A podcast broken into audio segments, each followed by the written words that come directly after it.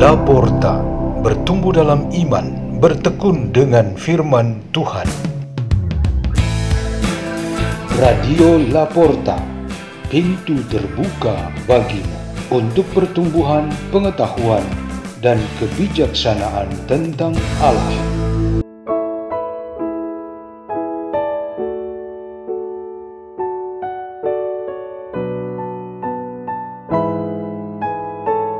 Bacaan-bacaan dan renungan Sabda Tuhan hari Minggu biasa keempat, 30 Januari 2022.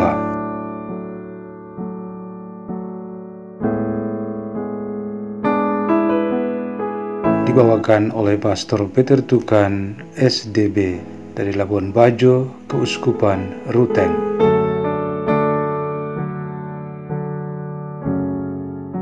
Dari Kitab Nabi Yeremia pada masa Raja Yosia, turunlah firman Tuhan kepadaku Yeremia sebagai berikut.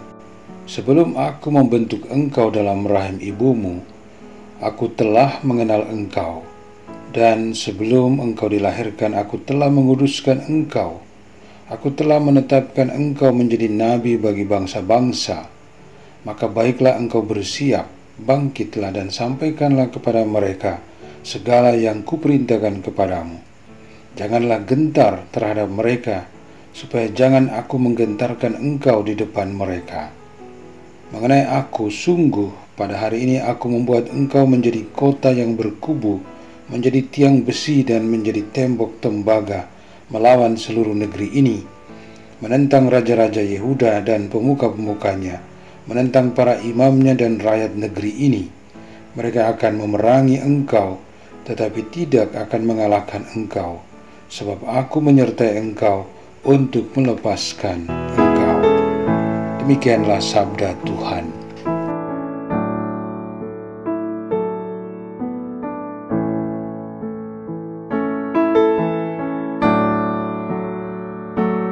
Dari surat pertama Rasul Paulus kepada jemaat di Korintus.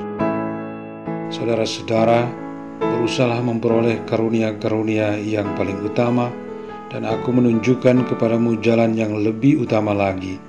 Sekalipun aku dapat berbicara dalam semua bahasa manusia dan malaikat, tetapi jika tidak mempunyai kasih, aku seperti gong yang bergaung atau canang yang gemerincing.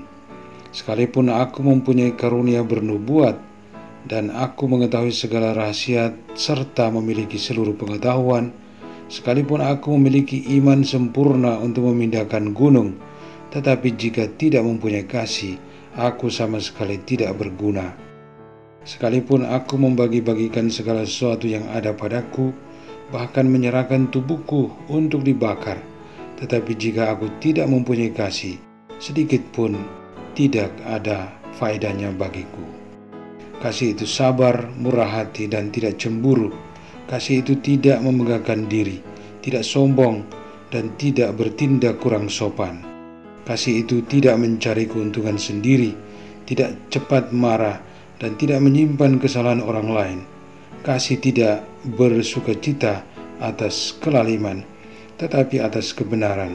Kasih menutupi segala sesuatu, percaya akan segala sesuatu, mengharapkan segala sesuatu, sabar menanggung segala sesuatu kasih tidak berkesudahan. Demikianlah sabda Tuhan.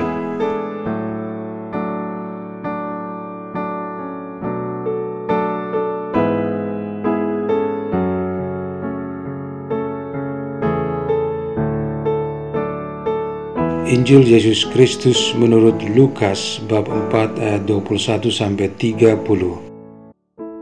Sekali peristiwa Yesus mengajar banyak orang di rumah ibadat di kota asalnya, katanya, "Pada hari ini genaplah nas kitab suci pada waktu kamu mendengarnya."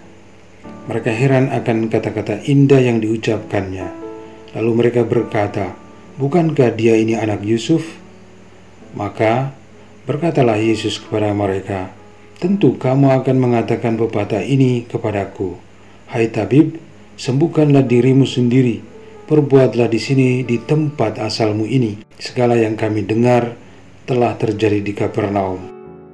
Yesus berkata lagi, Aku berkata kepadamu, sungguh tidak ada nabi yang dihargai di tempat asalnya. Aku berkata kepadamu dan kataku ini benar.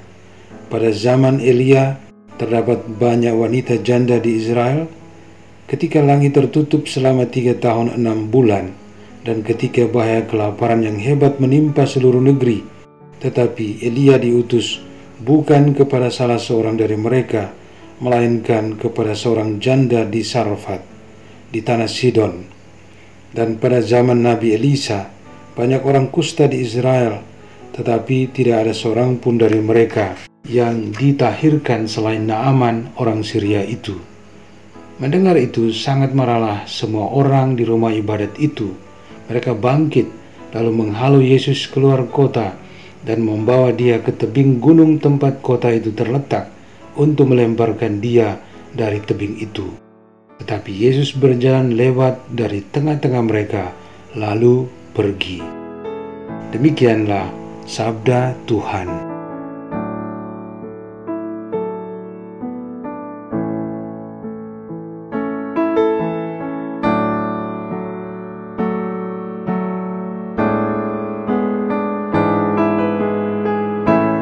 Tema renungan kita pada hari Minggu biasa keempat ini ialah hanya karena Yesus.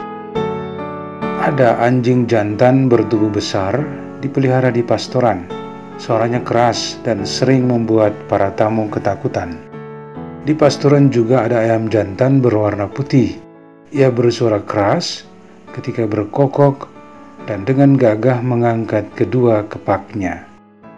Baik anjing maupun jago itu kelihatan sombong mereka bisa saling mengancam. Misalnya, ketika ayam berkokok, anjing langsung menggonggong. Sepertinya anjing ingin menegaskan bahwa dia lebih berkuasa, sedangkan ayam tidak punya pengaruh apa-apa.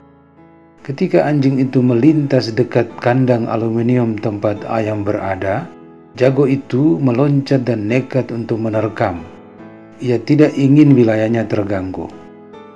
Tetapi setiap kali ada makanan enak di meja pastoran, misalnya roti dari bakery ternama, ditaruh dalam satu piring dan diberikan kepada keduanya, mereka makan bersama dalam suasana tenang dan damai. Mereka berbagi makanan yang spesial tersebut. Mereka saling menunggu dan memberikan kesempatan. Setelah roti itu habis dimakan, kedua binatang itu kembali ke tempatnya dan mengikuti irama hidupnya masing-masing. Masing-masing tetap ingin mendominasi.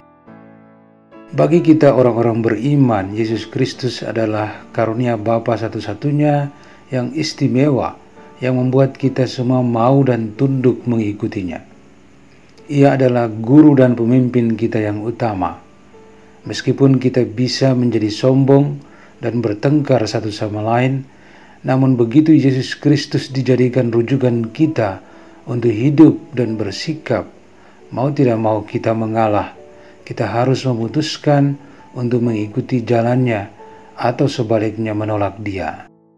Ketika Nabi Yeremia mendapatkan panggilan dan perutusan dari Allah kepada umat Israel, dan ketika Yesus Kristus sedang menjalankan tugas pengajaran atau pewartaan kerajaan Allah di tengah orang-orang sedaerahnya sendiri, harapan agar semua dapat menerimanya dengan baik dan sukacita tidak terwujud. Sebagian orang menerima dan mengalami suatu pertumbuhan iman akan Tuhan yang Maha Kuasa, namun banyak orang tidak mau menerimanya. Mereka cenderung menganggap bahwa baik Yeremia maupun Yesus Kristus adalah ancaman serius bagi hidup mereka yang mapan. Karya Tuhan yang terlaksana dalam rencana keselamatan memuncak pada misteri Yesus Kristus. Meskipun dia adalah putra Allah yang hidup di antara umat manusia, ia harus melawan semua penolakan tersebut. Ia bahkan membayarnya dengan sangat mahal yaitu sengsara dan kematiannya yang sangat keji di salib. Namun demikian, hanya dengan cara yang seperti ini, ia meninggalkan warisan teladan cinta kasih kepada kita. Semangat cinta kasih itulah yang kita hidupi sampai saat ini. Marilah kita berdoa dalam nama Bapa dan Putra dan Roh Kudus. Amin. Ya Bapa, berkatilah kami agar dengan perayaan hari Minggu ini kami semakin bertumbuh dewasa di dalam iman dan hidup apostolik kami di tengah-tengah dunia. Bapa kami yang ada di surga, dimuliakanlah namamu, datanglah kerajaanmu. Jadilah kehendakmu di atas bumi seperti dalam surga. Berilah kami rezeki pada hari ini dan ampunilah kesalahan kami. Seperti kami pun mengampuni yang bersalah kepada kami dan janganlah masukkan kami ke dalam pencobaan, tetapi bebaskanlah kami dari yang jahat. Amin. Dalam nama Bapa dan Putra dan Roh Kudus. Amin. Radio Laporta, pintu terbuka bagimu.